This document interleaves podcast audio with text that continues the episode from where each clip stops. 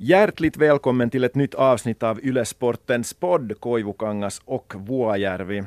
Efter dagens bandning har vi ett helt fotbollslag med poddavsnitt. Det här är alltså avsnitt nummer 11. Gästas så tiden går. Men hej Antti, jag läste på Facebook om ditt initiativ som kombinerar FF Jaro och välgörenhetsorganisationen Projekt Liv. Eh, berätta för allmänheten, vad, vad, vad, går det ut på? Eh, no, det är en väldigt enkel och banal grej som jag bara kom på faktiskt mitt i sändning igår. Eh, vi sitter alltså tvärs över från Projekt Livs kontor i Jakobstad och jag har tidigare också jobbat tillsammans med den här föreningen då när jag sprang Karhunkier och så samlade in pengar för en förening som vill skapa mer glädje i vardagen för långtidssjuka barn och deras familjer. Och det slog det mig bara att äh, Divari-säsongen närmar sig och, och, och Jaro ska spela och jag brukar alltså bjuda mina kids på en bit choklad per mål som Jaro gör.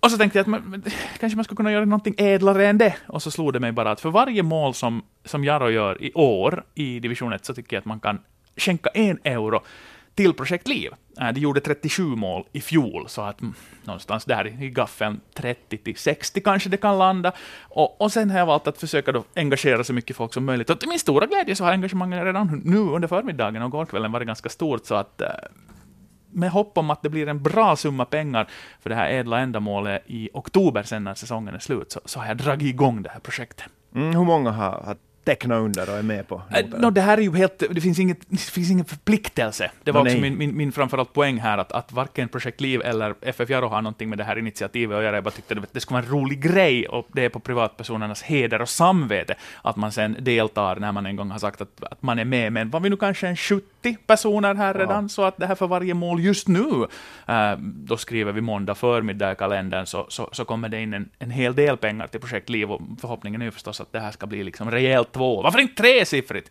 så kan Projekt Liv, vars arbetsfält ju är hela Svenskfinland och hela Finland, för att hjälpa de långtidssjuka barnen och deras familjer, äh, så kan deras verksamhet bli, bli bättre och bredare. Så att det här, det har jag sysslat med bland annat i helgen, förutom att jobba själv då. Helt kort alltså, om någon som lyssnar på den här podden vill delta, hur anmäler man sitt intresse? Ja, det är nog bara om man hittar in på min Facebook-sida, jag heter ju alltså Antti Koivukangas, så är det bara att gå in dit och, och, och, och skriva att jag är med, äh, och det går helt bra också att gå in på Projekt Livs webbplats, söka upp betalningsinformationen där och bidra på andra sätt än det här också. Men jag tyckte det här kan vara ett roligt sätt att förankra fotbollen och välgörenheten under en lång säsong, så att, att uh, mejla fast mig, antti.koivukangasatylle.fi, så kan man vara med på ett hörn också och bidra till Projekt Liv, för jag tycker, tycker om det de sysslar med och tycker det är en jätteviktig sak. Du är en ädel och god man. Tack! Men hej, vi presenterar dagens gäst Mikaela Ingberg. Hurra, vilken ära för oss att du vill medverka. Välkommen! Tack, tack. Jag böjde mig just över mixerbordet här för vi gjorde en sån här, ja. vad heter det, bro-knuckles. Vi ja, sitter ganska långt från varandra. Alla vet vem du är, men, men hur presenterar du dig nu för tiden? Alltså om du måste lägga till en titel förutom Mikaela Ingberg. Ja, jag vet inte, jag brukar inte, jag brukar inte använda titlar så jättemycket. No, men nu måste du göra det. men om jag måste göra det så, så skulle jag bara säga att, att jag jobbar för Vasa regionens idrottsakademi. Mm. Du kör ja. inte sådär med att I am the Mikaela I am the verksamhetsledare för the... ja, nej. Jo, nej. Det är jätteroligt att ha dig med faktiskt. Varmt välkommen. Ja, tack, tack. Det här ska bli riktigt roligt. Ja, det är inte alltid man sitter här i Vasastudion heller.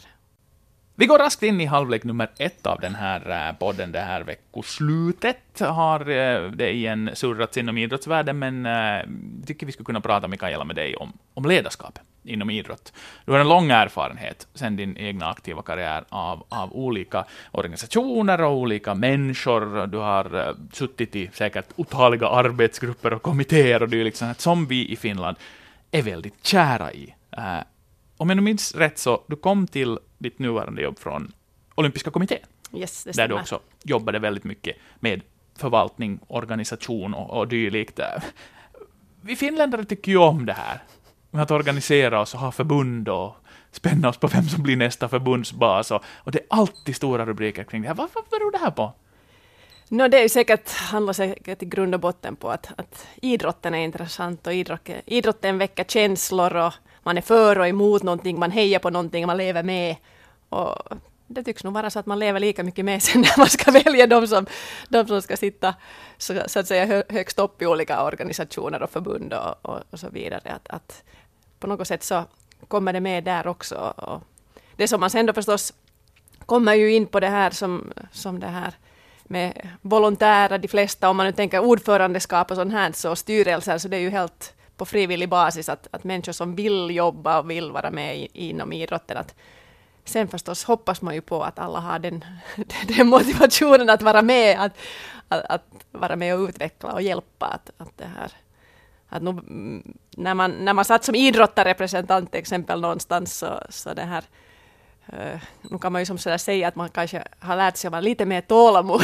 att, att, som idrottare och, och varför inte också tränare så man vill ju se resultat och förändring sådär knick, knack, knack, knock. Det ska hända snabbt.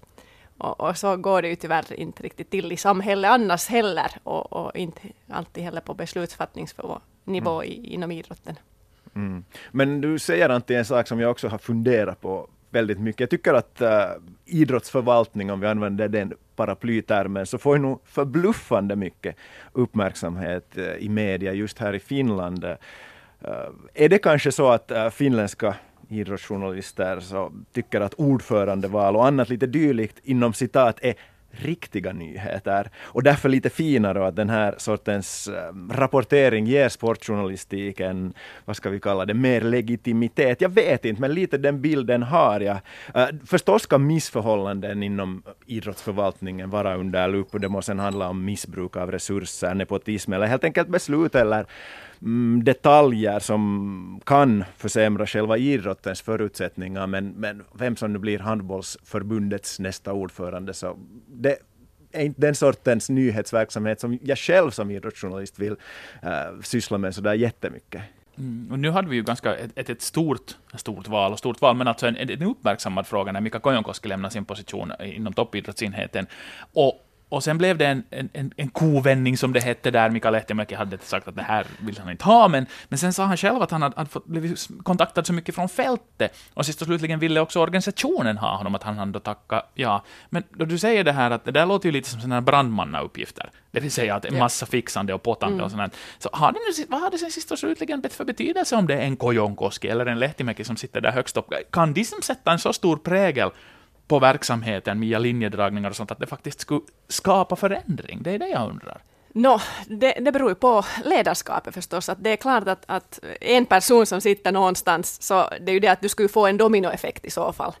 Att, att det som du för fram och hur du för fram det, hur du bemöter människor, det är ju ditt sätt att jobba egentligen som kan göra förändring att, att det att du skriver ner några meningar att det här är finländsk toppidrott, så alltså, det, det för ju ingenting åt, åt varken bakåt eller framåt. Men att, att det här att, att det är ju egentligen att, att vara en, en ledfigur för någonting och, och det är ju i mångt och mycket också att det är den som ska ge uttalande oberoende om den har koll på saken eller inte. Ja, det måste ju alltid finnas någon som måste avgå sen ja, ja. om det har gått ja, åt skogen. Det är alltid så här, det måste ju riktas mot och för någon, någon gång och, och man frågar ju alltid varför. Det är som när du frågar av en idrottare om det inte har gått så, som den har önskat, att nå, va, nå, hur gick det så här nu? och, och då behövs det ju också på, på de här högre positionerna någon där, där det frågar. Men att det är klart, nu kan den påverka, men som, som vi vet med byråkrati i samhället annars också, så in, in, lika byråkratisk kan va, idrotten vara. Och, och, det är många olika styrelser i förbund och, och det här idrottsinstitut och, och allt sånt här som ska ha sitt att säga till. om. Förutom förstås ministeriet. Att, att ministeriet har ju inom idrotten en väldigt stor roll. Och, och kan, men att kan, kan man få alla att samarbeta mot gemensamma mål så då, då finns det ju förstås förändringsmöjligheter. Och nu, nu skulle jag ju säga som att, att det här, om jag jämför med hur, hur det såg ut för 15 år sedan, så nu ska jag ju säga att vi har gått framåt nu. Att, att, att då, om man vill, vill lite så här överdriva, så, så kan man ju säga att, att olympiska kommittén ordnar en resa var fjärde år för en sommaridrott, eller varannat år vinter och sommar-OS. Och, och under de fyra andra, tre andra åren så hörde du inte kanske så mycket av dem, att du fick ett meddelande om du fick något understöd eller idrottarlön eller någonting, men annars hade det inte så, så mycket att göra, göra med dem. Och, och, där är kanske den stora ändringen då att, att vi är till exempel idrottsakademier som leds från olympiska kommittén, men framför allt sättet som man har valt att förändra sättet att jobba i olympiska kommittén. Att försöker, de försöker verkligen vara med i, mer i vardagen. Men det är klart att vi har ju en en, en massa idrottare och, och då är det ju en liten ut, grupp som är, som är utvald till de som de sätter sin prioritet på. Mm. Om vi talar om det här eh, Lehtimäki som tar över efter Kojonkoski och vad det kan ha för betydelse, så är jag nog dessvärre skeptisk till att det här skulle leda till stora förändringar. Jag vill hävda att det finns eh, har funnits säkert större systemfel under, säg för de där 15 åren som du nämnde, men att det fortfarande finns och en enskild person tror jag inte kan, kan rätta till det. Eh, om jag tar då Mika Kojonkoski som exempel, så om någon påstår att han inte vet vad toppidrott är eller, eller har ett kunnande inom vad elitidrott eh, är, så den människan är nog i så fall bakom flötet. Se bara vad Kojonkoski har gjort som tränare i backhoppning i Norge, i Österrike och i Finland. Uh, trots det så var ju framstegen eh, sådär åtminstone om man tittar bara kallt på resultat och siffror så hade ju varit marginella under hans tid som, som den här toppidrottschefen. Och sen hade vi ju också den här, för en tid sedan, den här arbetsgruppen som skulle fundera på toppidrotten i Finland. Där var Tapio Korjus, Erkka Westerlund, Kojonkoski själv, Lena Pavolainen och, och, och någon annan. Och, och vad var resultatet från det? Än så länge ganska ringa. Mm. Till syvende och sist så känns det ju som att vi, vi, vi hela tiden kommer till pengarna. Mm. Och pengarna trillar ju neråt i, ja. i organisationen. Äh, Paavo Arhimäki var länge idrottsminister, för honom hade väl kanske Stefan Wallin till och med mm. på den posten. Nu är det Sampo Terho som, som har hand om det här, och han verkar vara väldigt driven då det kommer till, till toppidrott. Själv äh, intresserad, engagerad. Äh, finns det under nuvarande regering, om vi säger så, upplever du att det finns, Mikaela, en politisk vilja för att resursera toppidrotten bättre, om det då inte har funnits det tidigare? No, det är ju faktiskt, det är ju nog inom, inom politiken också, att, att finns det ska vi säga, färgstarka och, och sådana ledare som har intresse för det, så de kan ju göra en, de kan få igenom saker och, och vi har ju sett en del nog helt positiva beslut för idrotten. Att, att, att sen, sen då att, att talar man om, om toppidrott eller motionsidrott eller eh, jag tycker man kan kanske tala om idrott överhuvudtaget, att, eh, jag såg en, en jättebra ledare här i, var det igår eller förrgår i, i Vasabladet där man lyfte fram att, att det här, det att inte finländarna rör på sig kostar mellan 3 och 7 miljarder i året. Och, och, det är ju frågan om allt annat än, än små, små summor och, och hur alla människor i, i samhället ska orka. Och, och, och då förstås att sätter man det i proportion att, att man kan ju inte säga att, att okej, okay, men vi sätter en miljard till hit då så får vi, får, får vi min, mindre utgifter, men i alla fall att, att man vaknar upp och funderar att, att idrotten kan ha en betydligt större roll än vad den har nu. Och, och när man pratar om då allt från, från det här motion, att, motion, sen då förstås ju bättre kondition och, och ork som, som det här våra barn som växer upp har, desto, om man tänker på toppidrotten, desto bättre förutsättningar finns det, om, om det finns talanger och sådana som vill satsa. Att, att kanske just att uh, det är ganska bra på det viset att de har kommit fram de här siffrorna, för, för politiker vill, vill ju ofta ha siffror på att stämmer det nu verkligen det här? Mm. Och nu har man ju kommit då fram till att, att man kan mäta att, att det är enorma kostnader det handlar om. Att, att, och då tycker man ju i alla fall att, att någon måste ta ansvar och göra en förändring för att, att det är ohållbart att i längden ha, ha sådana kostnader. De lär ju inte bli mindre heller. Men, men det här med, med sen om det ska vara satsning på motionsidrott eller elitidrott. Det är ju ett nollsummespel. Mm. Vart ska pengarna fördelas? Så, uh, tidigare var jag av den åsikten att, att mer till barn, till kids, till, till motionsidrott. Men, men nog behövs den här elitidrotten också. För, för om jag tänker på mig själv som junior, så nu hade jag ju mina förebilder som mm. inspirerar och sporrar. Jag kan väl tänka mig att det har funnits en hel del med Ivo Niskanen och Krista Pärmäkoski, wannabes, som har varit ute i skidspåret den här vintern. Det finns många Patrik Laine som övat sig på sitt skott och spelar på bakgårdar och, och you name it. Uh, och det här är det som sporrar folk, eller barn framförallt, att, att röra på sig. Men uh, det, jag, jag förstår också samhället det finns bara x antal mm. euron. Och, och, det kan vara svårt att göra de här investeringarna för, för resultaten, de ser man först i framtiden. Om man ser dem ens då, för det finns ju mm. inga garantier på att okej, okay, vi satsar 500 miljoner på, på, på idrotten, så betyder det att vi som samhälle kommer att må bättre i framtiden. Sannolikt ger det resultat, men ger det tillräckligt med resultat? Jag vet inte. Ja, och jag håller med. För att avsluta den här diskussionen så skulle jag lyfta fram den rapportering som kom i veckoslutet. Jag såg både Yles nyheter och MTV3ans nyheter vara på plats. då Lauri Markkanen var hemma i Jyväskylä. Ja. Oj gästas! Köerna tog ju aldrig slut för autografer, bara för att vara nära Lauri Markkanen, för att känna, känna att man är i närheten av storhet. Nu talar jag inte bara om Nej, fysisk nej. storhet, utan liksom en, en, en bjässe som spelare. Där finns potential för en basketboom som inte handlar om att det går 11 000 och tittar på en EM-kvalmatch, utan att den grenen på tio års horisont får ett massivt uppsving. Så att fullständigt förebild, håller jag med där, förebilderna behövs för att skapa förutsättningar för toppidrott. Yes, håller med.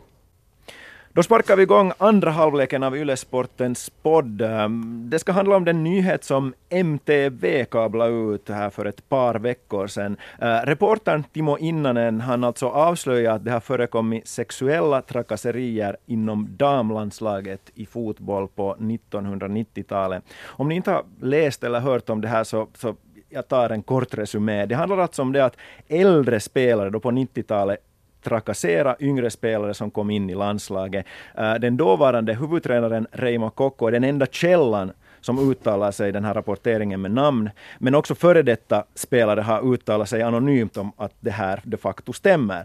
Uh, Trakasserierna de var både fysiska och psykiska och, och sen dessutom så rådde det en sån där djup kultur av tystnad om och kring det hela. Um, Mikaela, du har jobbat en hel del med idrottare och nära idrottare, snarast då på det individuella planet, men jag antar att du har följt den här MTVs rapportering om de här sexuella trakasserierna.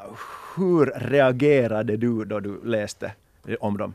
Nå, jag minns att det var, det var väl i Tulos Ruutu eller, eller något liknande man, man hörde om, om nyheten och nu blev man ju ganska som sådär fundersam och, och, och på något sätt jag vet inte om man kan säga chockad också, eller som fundersam att okej, att just så att, att det här, det är klart att det är ju jättebra att det, det kommer fram, fram och, och, och det här nu förstås när det annars som med metoo och, och allt sånt här har varit på, på tapeten, att, att det visar ju bara att, att det finns ju inget område i samhället där det inte har funnits.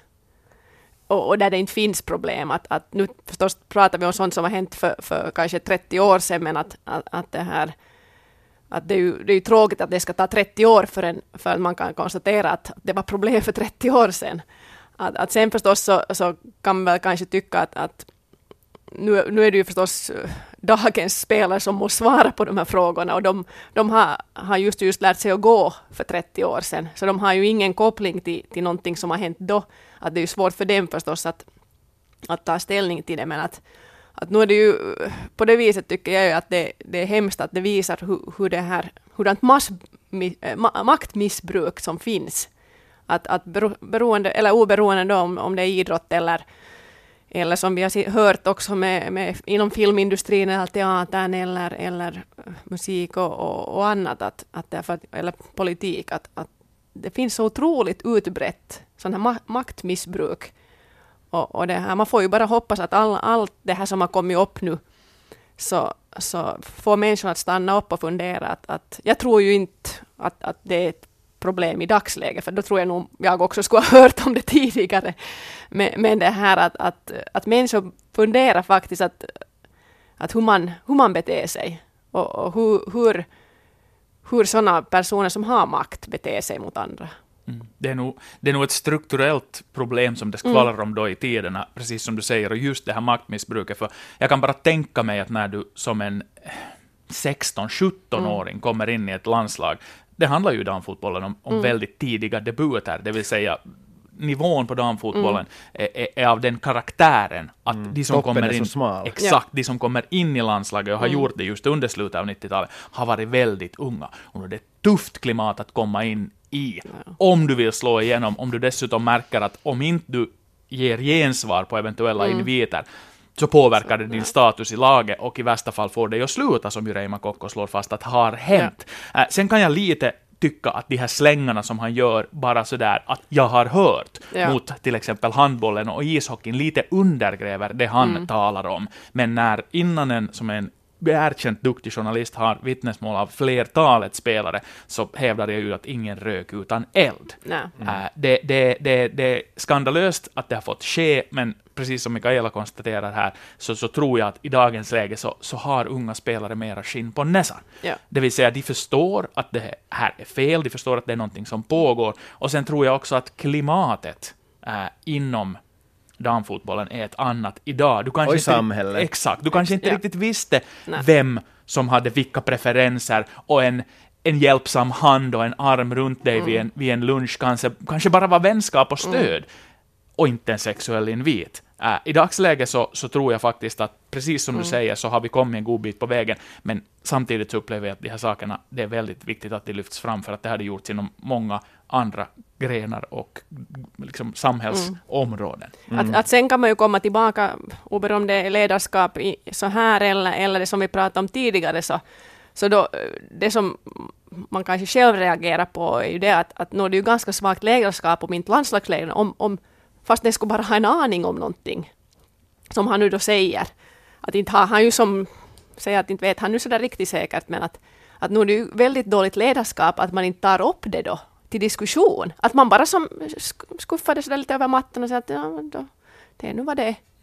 Att, att nu, nu säger du någonting om ledarskapet också, som, som vilken, vilka brister det har funnits, men att, att eh, om man brukar säga att det var bättre förr så, så, så det här många saker i samhället förstås går framåt och, och dagens ungdomar vet bättre att, att de har också rättigheter.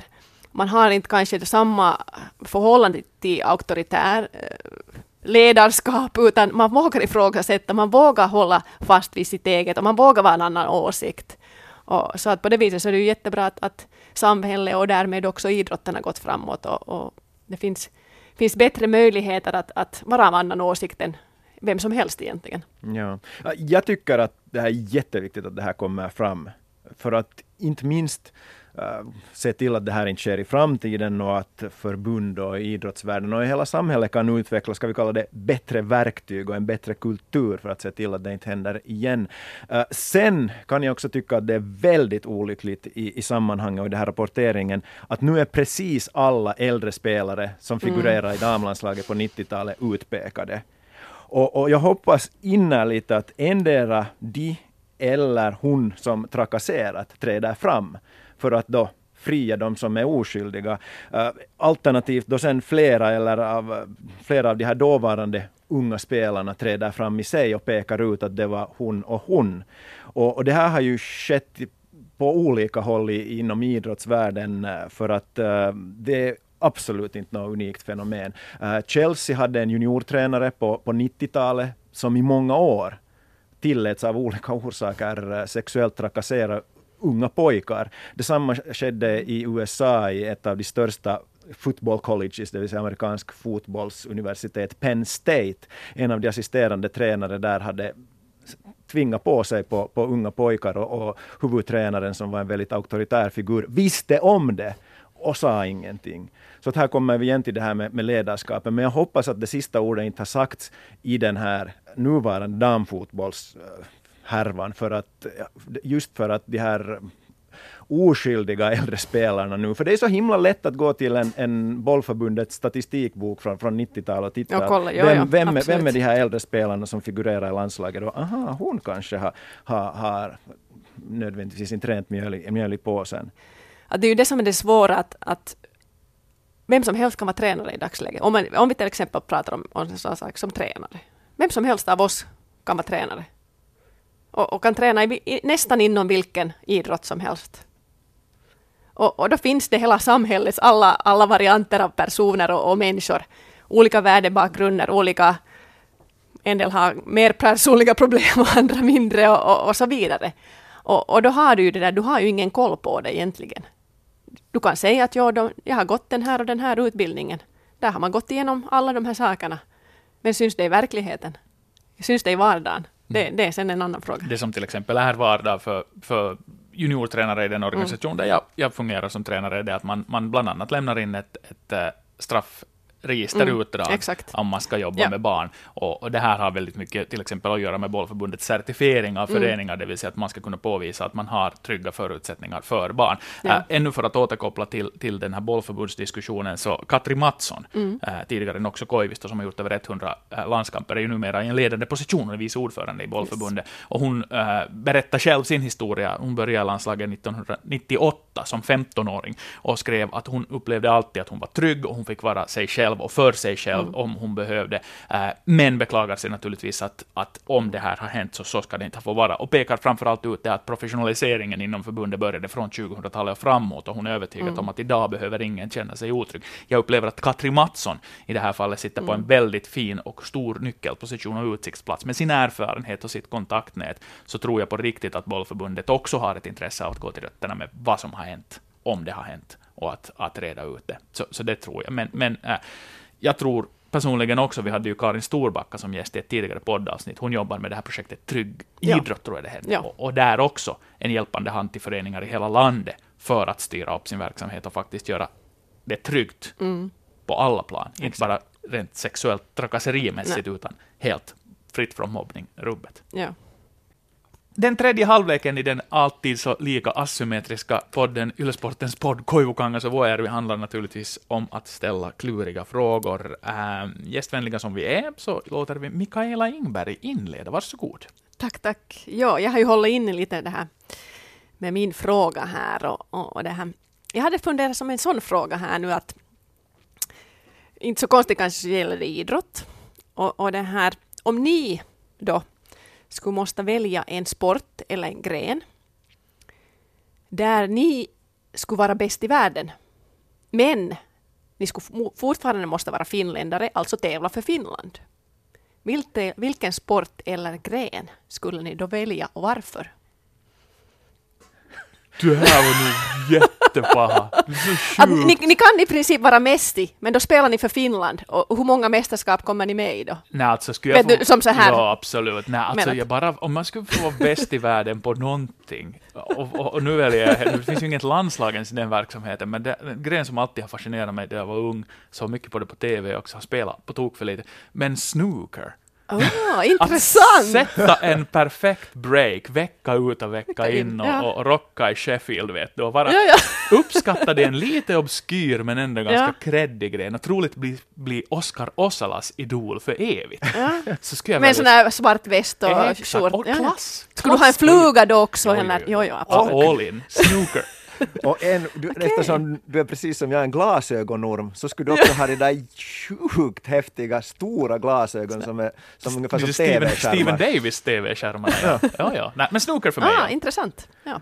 Jag har ett jättetråkigt svar. Jag har ju spelat tennis på väldigt låg nivå, men det skulle nog vara häftigt. Och dels också som jag tänker, jag är en stor vän av fotboll, men jag tänker mig sen då jag blir äldre, så en fotbollsspelare, de tror jag inte ser hemskt sådär friska dagar sen när de är 50-60 plus. Det har varit så många smällar på, på knän och vader och vrister och så vidare. Tennis är mer, trots allt kanske mer skonsamt sådär för kroppen och, och lite av en individualist som jag är så, så jag skulle plötsligt bli världsbäst i tennis. Sen skulle, du få, häftigt. sen skulle du få resa på sådana där masters-turneringar och spela Exakt, mot jo, de har sånt ju. Det finns ju en hel de för här seniorer. masters, exakt. Jo, Men då är frågan, Mikaela, du har varit oerhört duktig på att kasta käpp. Mm. Så du måste ju också svara på den här frågan själv nu. Jo, och jag får ju inte välja min, Nej. min gamla Nå, det gren. skulle ju vara ganska trist. Ja, så att, att det här... eh, Jag skulle som nog välja kanske någonting som man har börjat brinna för senare, som skulle vara golf. ah. För då tänker jag lite också som, som Chriso där, att, att, att det här... Du kan hålla på fast tills du är 80.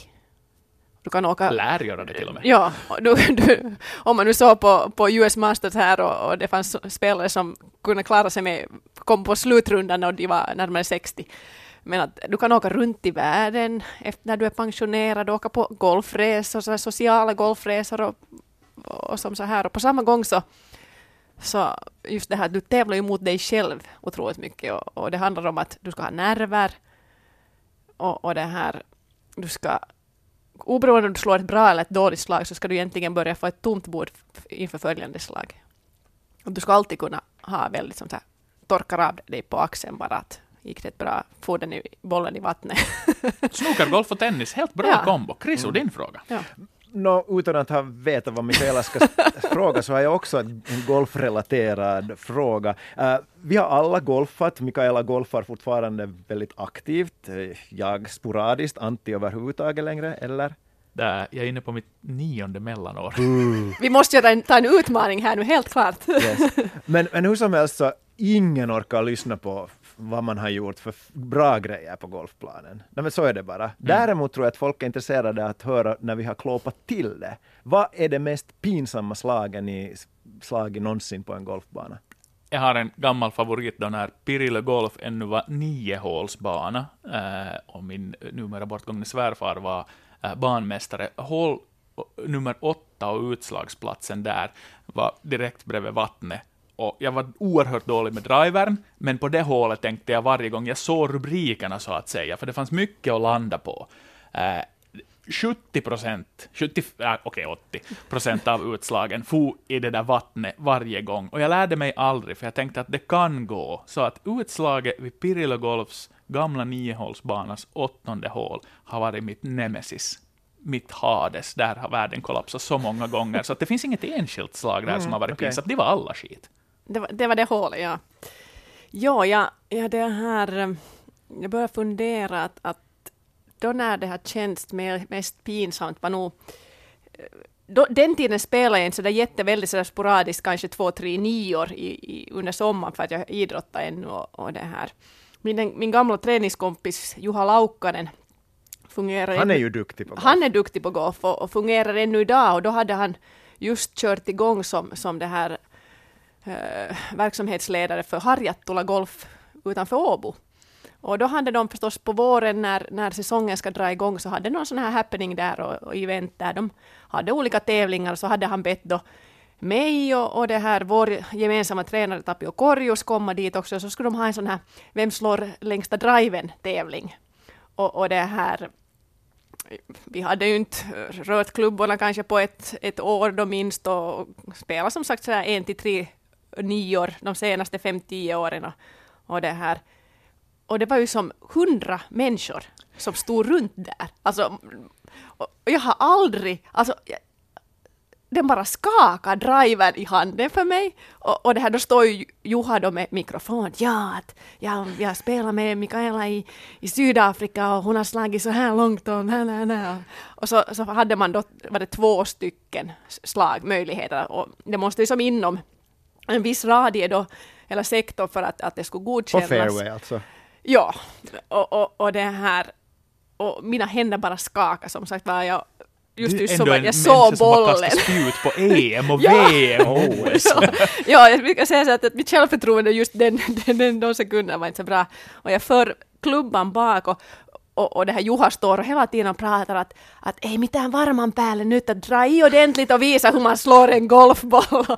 och det här, jag tar och drämmer i och så träffar jag ändan på, på klubbhuvudet och det far som rakt ut till höger, så att det är som inte ens nära på något som har något fairway och, och så kallad sektor nu för Kanske grann fairway? ja, det kan hända, eller två banor bort. så att, att det här, det första slaget, då, då var det nog som så här att måste jag ta ett till. No, följande fick jag nog att lämna på, på, på det här godkänd fairway, men att, att det där första slaget, då, då var det nog, då, då kändes det inte så där jättebra. Okej, jag tror jag bredar er ändå. Uh, sista hålet, Borgogolf, uh, eh, inspelet till green uh, är uppe på en kulle och det är alltid knepigt eftersom jag är dålig på golf. Och det var kanske, no, jag missuppfattade lite den där längden och tänkte att no, det är uppförsbacke och så vidare. Jag tar, tar, en lite större klubba och tänker att en lugn sving och, och, det är ofta ett dåligt recept för då slår man ofta väldigt bra. bra ja. Och jag får världens träff och ser en sån här jättehög fin båge och så beundrar den och så inser jag att nej, det här ser inte bra ut. Bollen landar kanske 25 meter bakom green, studsar på asfalten 10 meter från klubbhusets uh, uteservering, studsar upp 20 meter, landar på klubbhusets tak och kolli, kolli, kolli, kolli, kolli, kolli, kolli, bollen rullar ner på den här övningsgrinen och då försöker man lite generat sådär som en våt hund gå upp dit och så får jag applåder av folk som satt där på uteserveringen. Så det var, that's my. Stabilt. Avslutningsvis en fråga om domararbete. Jag var själv domare i veckoslutet i en juniormatch där jag bland annat dömde bort ett offside-mål som min egen Oj. son gjorde. Vi har gått igenom det, allting är okej nu. Uh, men vilke, vilken är er favoritdomare genom tiderna? Alla grenar inbegripet, behöver inte begränsa er överhuvudtaget. Favoritdomare? Nå, alltså genast jag tänker på ordet domare så tänker jag ju på, nu minns jag inte hur man uttalar bara förnamnet med den här, Colina. Pierluigi. Pierluigi Colina, si, molto bene. Och, och det här, så att han, han är som, när jag tänker på domare så är det lika med, lika, lika med Colina. För att han på något sätt, den där blicken han kunde ha i en del matcher just på något VM eller något sånt här. Så det är någonting som har, ja, det blev, han blev ju som ett brand, han blev ju som en, Och han blev väl också boss? Ah, ja, han är ju domarbas ja, han i är Uefa i dagsläget, ja. eller Fifa till och med. så att, att det här, han står nog för domare för mig. Det är en riktig domare. Ja, och grym karisma, det, Ja. det bör sägas. Eh, jag vill lyfta fram Päivi Mitrunen och Mona Ah. Förström. Uh, redan på det på 90-talet så dömde de finaler på herrnivå eh, i ha- den finländska Mm. handbollen. Jag tycker att det någonstans nog är häftigt och någonstans en föregångargrej. Det blev ju stora rubriker. Vad heter den där tyska damdomaren? Bibiana Steinhaus. Exakt, men redan 20 år före det så var Mm. Päivi Mitrunen och Mona Förström och, och dömde herrmatcher på, okej, finländsk handboll, men, men, men det tycker jag nog är, är häftigt och jag hoppas att någon har inspirerats av det och att vi ser fler damdomare på hög nivå i herrmatcher också. Absolut. Bra svar. Mitt Mm. svar går tillbaka, föga överraskande, till historien. Eh, jag är sjukt fascinerad av historien bakom mannen som hette Tofik Bakramov. Så ringer det några Okej. klockor för er. Nå, nu måste jag nog lyfta upp en hand här. Att, sorry, VM-finalen jag 1960 får googla. VM-finalen 1966 på Ah. Wembley, det bortdömda målet, äh, det godkända målet, äh, är bollen inne eller inte? Ah. Jättestor debatt huruvida det var eller inte målet blev godkänt. Och äh, Tofik Bagramov dog 1993. När han gjorde så döpte man om nationalarenan i Azerbajdzjan, hans hemnation, i Baku, till Tofik Bakramov stadion. Det finns inte hemskt många linjedomare Nej. i världen som har fått sin nationalarena i hemlandet omdöpt efter sig själv. Så han, han är liksom eh, bara fascinerande som story, så därför väljer jag faktiskt honom. Äh, Mikaela, tusen tack för att du kom. Tack. Tack, tack. Jätteroligt Tack för att ha dig med i det här poddavsnittet, nummer 11, som alltid hittas på arenan eller på iTunes. Tack Chris också för att du kom, även om jag vet att det står i din arbetslista. Ja, tack själv. Hej, vi får ta den här golfrundan här nu i sommar sen då. Ja. Con- Consider it. Pirilles åttonde håll jag nyfiken på. Vi kör.